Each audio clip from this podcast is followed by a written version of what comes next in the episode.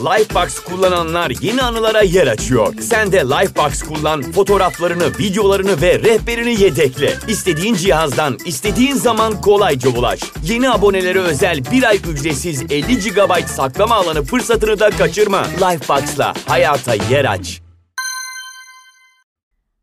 Herkese merhaba, gelişi güzel hayallere hoş geldiniz. Ben Emine.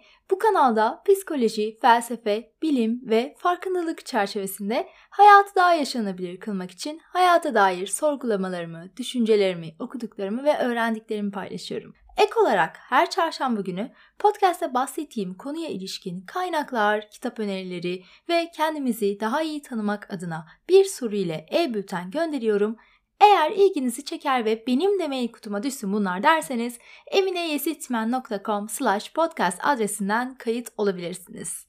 Eğer benimle birebir çalışmak isterseniz de yine aynı adresten koçluk başlığına tıklayıp bilgi ve ücretsiz ön görüşme randevusu alabilir ya da bana LinkedIn profilimden ulaşabilirsiniz. Bu hafta sizlere 2022 ve 2023 içinde okuyup da çok etkilendiğim, böyle beni düşünmeye sevk eden, farklı bakış açısı kazanmama vesile olan kitaplardan bahsedeceğim. Neden beğendiğimi ve kitapların temasını spoiler vermeden anlatmayı planlıyorum ki kitabın içeriğine dair bir netlik olsun zihninizde. Kitap zevki çok kişisel bir konu olduğu için kitabın içeriğine dair detay vermek bence çok önemli. Çünkü sonra önerilen kitabı alıp bu ne ya ben bundan bir şey anlamadım ya da bunu niye bu kadar övdüler ki anlamadım dediğim çok oldu. Eminim sizde de olmuştur. Hatta benim önerdiklerim arasından da olmuştur. O yüzden de bu hafta bu riski minimize etmeyi umuyorum. Biraz ortaya karışık bir seçki yaptım. Listede felsefe, psikoloji, roman bol bol var. Fransız, İspanyol, İtalyan, Portekiz, Danimarka ve Amerika edebiyatı mevcut. Listenin sonunda bu kanalda çok da duymaya alışkın olmadığınız temada 2-3 tane sürpriz kitap da olacak ve onları neden eklediğimi de anlatacağım. Evet yaklaşık 15 tane kitap not almışım. Kaleminiz, kağıdınız, not defteriniz, Goodreads hesabınız açıkta ne varsa haydi gelin başlayalım. İlk önerim Fransız filozof ve psikanalist Anne de Fomental'ın Riske Övgü kitabı. Kitap felsefeyle psikanalizde yaşanmış vaka örneklerini harmanlıyor. Riski güzelleyen demeyeyim ama risk almakla almamak arasındaki çizgiyi sorgulayan bir tonda. Hatta biraz daha böyle kışkırtıcı, risk almaya da teşvik edici diyebiliriz. Konularının arasında aile, özgürlük, yalnızlık, korku, kaygı, tutku gibi hayatın içinden bir sürü konu var. Bunları işleyip eleştirel bir şekilde yaklaşıyor. Bilirsiniz çok severim ben böyle kitapları. Nacizane önerim kitabı baştan sona okumak gibi bir motivasyonla almayın. Elinizin altında dursun, ruh halinize ve içinde bulunduğunuz çıkmazın konusuna göre İlgili bölümü açıp okuyun. Aksi takdirde beyin yakabiliyor. Birkaç kere okuduğum cümleleri oldu böyle hani çok hafif bir kitap değil. Bölümler birbiriyle bağlantılı da değil. O yüzden de aklınıza bulunsun. Güzel kafa açan bir kitap. Sadece hani ben böyle okuyayım çıtır çerez bir oturuşta bitireyim gibi bir motivasyonla okumayın. Ama bu tonda böyle felsefeyle psikolojiyi harmanlayan, okuması daha kolay kitaplar listemdeki diğer bir yazar da Irvin Yalom. Spinoza Problemi ve Bugünü Yaşama Arzusu, Schopenhauer Tedavisi. Çok sevdiğim kitaplarıdır. Filozofların teorilerini anlaşılması kolay bir dille hikayeleştirerek aktarıyor ve bunu psikolojiyle harmanlayarak yapıyor. Bence çok büyük bir başarı. İki kitap da iki farklı zaman diliminde geçiyor. Hem filozofların hayatını anlattığı dönem, onların yaşadığı dönem ki teori dışında bence filozofların hayatına dair bilgi edinmek için de güzel bir yaklaşım. Hem de günümüz karakterlerinin ilgili felsefeyi hayatına nasıl getirdiği, nasıl içselleştirdiğine dair bir yaklaşımı var. Spinoza problemindeki günümüz dediğim hikaye bir tık daha farklı. O hikaye 1. ve 2. Dünya Savaşı arasında Nazi subayı Alfred Rosenberg'in ve onun psikolojisinin Hitler'le olan ilişkisinin hayatının detaylarını konu alıyor. Tarihi anlamda da zengin bir kitap. Ben her ikisini de zevkle okudum. Gerçekten çok beğenerek okuduğum, sevdiğim de bir yazar zaten. Bunları da kesinlikle tavsiye ederim eğer böyle felsefe ve psikolojiyi harmanlayan kitapları seviyorsanız. Şimdi Fransa'ya bir geri gidelim. Çok aydınlatıcı olduğunu düşündüğüm bir kitap önerim var. Seksolog Ghislaine Paris'in Cinselliğin Önemi adlı kitabı. Özellikle ilişkiler üzerine iki tane ard arda bölüm çekmişken bunu mutlaka önermek isterim. Neden bu listede yer verdim? Çünkü şunu sorguluyor. Cinselliğimizin ne kadarı bize, ne kadarı topluma ait? Toplumsal normlardan, tabulardan, din ve ahlak kurallarından kendini kurtarmış bir cinsellik mümkün mü? Bunlar zaten kitabın üzerinde yazan sorularda. Ben açıkçası toplumsal normların cinselliğimizin, cinsellik psikolojimizin üzerinde bu kadar büyük etkisi olacağını düşünmemiştim hiç güzel aydınlamalar yaşatıyor insana ve beni şaşırtan şey şu oldu. Fransa-Türkiye karşılaştırması yapacak olursak Fransız toplumunun bize göre cinsellik konusunda daha az tabusunun olduğunu söylemek çok yanlış olmaz bence. Ama buna rağmen bu konuda toplumsal tabuların evrenselliği bir kez daha tescillenmiş oldu benim tarafımda. Ve eminim kendinizden de, kendi psikolojinizden de ya da partnerinize dair bayağı bir şey bulacaksınız bu kitapta.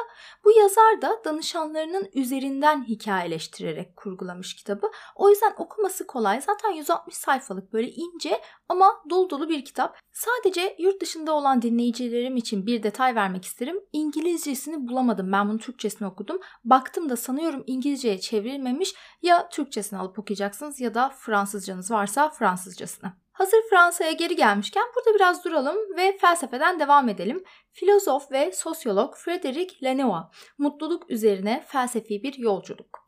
Yazar mutluluk kavramını her açıdan değerlendiriyor. O yüzden çok beğendim ben bu kitabı.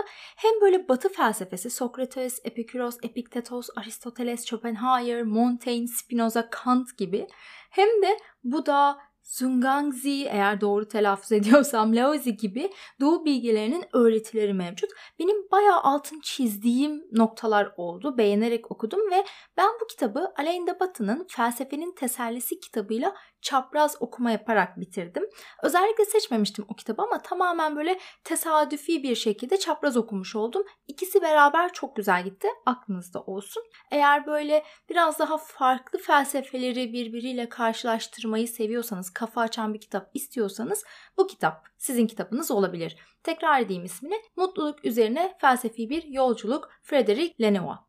Ve son felsefi kitabımı da önerip birazdan edebiyata geçeceğim. Haydi gelin Danimarka'ya gidelim. Danimarkalı yazar Sven Brinkman'a bakalım. İnsan olma yolculuğu. Çok yakın zamanda okudum ben bu kitabı ve gerçekten beğenerek okudum.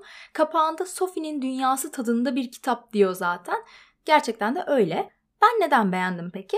Sadece felsefe değil, tarih, coğrafya, biyoloji, teknoloji gibi konuları da işliyor. Yine hikayeleştirilen bir anlatımı var bu kitabında. Büyük annesiyle birlikte interrail yapacak bir gencin büyük annesi rahatsızlanınca ona verdiği yazılı rehber ve çizdiği rota doğrultusunda tek başına seyahatini anlatıyor. Onun üzerinden kurgulamış yazar. Ben bayağı beğenerek okudum. Hem yeni şeyler öğrendim hem de bildiklerimi tazelemiş oldum. O yüzden beğendim. Yine bu da eğer ilginiz varsa bu tarz konulara rafınızda durması gereken bir kitap diye düşünüyorum. Evet, gelelim edebiyat kısmına. İlk önereceğim kitap 98 Nobel Edebiyat Ödülü alan Jose Saramago'nun Körlük kitabı. Bu kitap eski de bir kitap. Yani niye bu kadar geç okuduğum hakkında hiçbir fikrim yok ama geç olsun güç olmasın diyelim. Okuyanlarınız da mutlaka vardır ama 2-3 kere üst üste okunması gereken kitaplardan bir tanesi. Neden? Birincisi çok sağlam bir sistem eleştirisi yapıyor. Yani içinde bulunduğumuz dünyayı, insanlığın nasıl çiğleşebileceğini ve zorunda kalınca nasıl vahşileşip nasıl bencilleşebileceğini çok güzel bir dille anlatıyor. Yani körlük metaforu üzerinden kurguluyor ama aslında refere ettiği şey bizim içsel körlüğümüz, toplumsal körlüğümüz ki zaten çok güzel bir şekilde de bağlıyor. O yüzden de herkesin okuması gereken hatta birkaç kere okuması gereken bir kitap olduğunu ve raflarda bulunması gereken bir kitap olduğunu düşünüyorum. Bir diğer favori romanım da Ursula Le Guin'in Rüyanın Öte Yakası. Bunu bir önceki kitap önerileri bölümümde söyleyip söylemediğimi hatırlamıyorum ama Le Guin genelde Mülksüzler kitabıyla bilinir ya. Bence bu Rüyanın Öte Yakası çok fazla geride kalmış, böyle kıyıda köşede kalmış ve hak ettiği değeri görememiş bir kitap. Rüyaları ile realiteyi değiştirebilen birinin hikayesini anlatıyor. Fantastik edebiyat seviyorsanız Ursula'nın kitaplarını gözüm kapalı öneririm. Antropolog bir baba ve yazar bir anneden geldiği için çekirdekten yetiştiği kanısındayım ve yazarın kitaplarında edebiyat, felsefe, psikoloji üçgenini çok güzel kurguladığını göreceksiniz. Zaten biraz daha böyle Jungian bir taraf taraftan yaklaşıyor. Yanlış hatırlamıyorsam bir söyleşisinde de şey diyordu. Tekrar seçme şansım olsa psikiyatr ya da psikolog olurdum gibi bir şeyler söylüyordu. Net hatırlamıyorum ama Rüyanın Öte Yakası beni çok etkilemişti. Onun dışında Dünyaya Orman Denir, Yer Deniz, Mülksüzler okumadıysanız bunları da kesinlikle tavsiye ederim. Böyle bilim, kurgu, fantastik edebiyat seviyorsanız. Gelelim elimden bırakmadan daha doğrusu bırakamadan okuduğum bir diğer romana Rüzgarın Gölgesi İspanyol yazar Carlos Ruiz Zafo'nun enfes bir kitabı. Kitap Barcelona'da geçiyor ve ben bu kitabı okurken Barcelona'daydım. O yüzden de böyle kitabın geçtiği sokaklara gidip biraz da kitabı yaşıyormuş gibi hissetmek ayrı bir zevk kattı tabii. Ama kitap İspanya İç Savaşı'nın izlerini taşıyan Barcelona'da başlıyor. Bugünkü Barcelona'da değil. Benim bu kitabı çok beğenmemin sebebi de kitabın böyle son 100. sayfasına kadar falan birazcık büyük bir kitap. Yani kalın bir kitap. Büyükten kastım kalın bir kitap. Kitabın böyle sonlarına doğru neyin ne olduğunu tam olarak anlamıyorsunuz. Ancak sonlarına doğru tahmin etmeye başlıyorsunuz ve kitap sizi böyle tutuyor. Arada bir uf tamam hadi artık e, çıksın ortaya dediğiniz şey de olabiliyor. Çünkü gerilim polisiye bir kurgusu var ama aynı zamanda dokunaklı bir aşk öyküsünü de dahil etmiş içine. O yüzden de kitap böyle bayağı bir içine çekiyor sizi. Merak ediyorsunuz. Tam böyle hadi bırakayım diyorsunuz. Ah bir dakika ya şurayı da okuyayım öyle devam edeyim diyorsunuz. O yüzden bence sürükleyici bir kitap. Tavsiye ederim kesinlikle. Listeye diğer ekleyeceğim kitapta Jodi Pico Küçük Muazzam Şeyler. Bu sene okudum ben bu kitabı. Kaldığım Airbnb'nin kütüphanesinde bulmuştum yazın. Çok seviyorum böyle kaliteli kütüphanesi olan Airbnb'leri. Daha bir sürü bir sürü kitap vardı ama nedense elim buna gitti. Ve iyi ki de buna gitmiş. Yazarın dili, kullanışı, duyguyu karşı tarafa geçirmesi inanılmaz güçlü. Hem kitabın içinde kayboluyorsunuz hem de kapağını kapattıktan sonra bir süre daha düşünmeye devam ediyorsunuz. Kitabın teması kulağa biraz klişe gibi gelebilir. Amerika'da geçiyor ve siyahilerin yaşadığı zorluklar, var olma çabasını biraz da ele alıyor. Ama o kadar political correctlikten uzak bir şekilde yazmış ki yazar. Ben çok etkilendim. En çok da dilinden dediğim gibi etkilendim. O yüzden Jodi Pico'yu mutlaka listenize koyun derim. Ben bunu İngilizce olarak ana dilinde okudum. O yüzden çevirisini bilmiyorum ama baktım birazcık daha. Çevirileri güzelmiş. Ayrılık Vakti isimli bir kitabını da aldım. Daha başlamadım ona. Bir sonraki kitap önerileri podcastimde de onu değerlendiririm. Onu da o bölüme saklamış olayım. Şimdi buradan yavaş yavaş İtalyan edebiyatına doğru bir geçiş yapalım. Burada ilk önereceğim kitap Sinek Kuşu. Sandro Veronesi.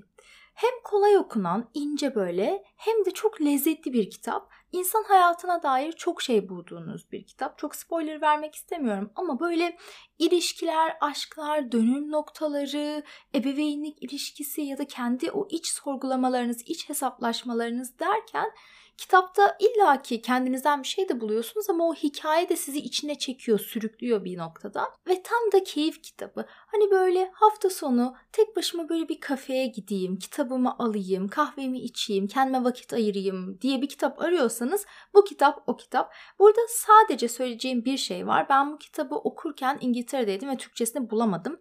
O yüzden de Kobo'nun Rakuten isimli app'ini indirip telefondan okudum. Azmime bakar mısınız? Artık onu da kaldırdılar. Komple kitabı indiremiyorsun. Sadece özetini indiriyorsun ama bu kadar azimle Türkçesini indirme derdimi size anlatayım.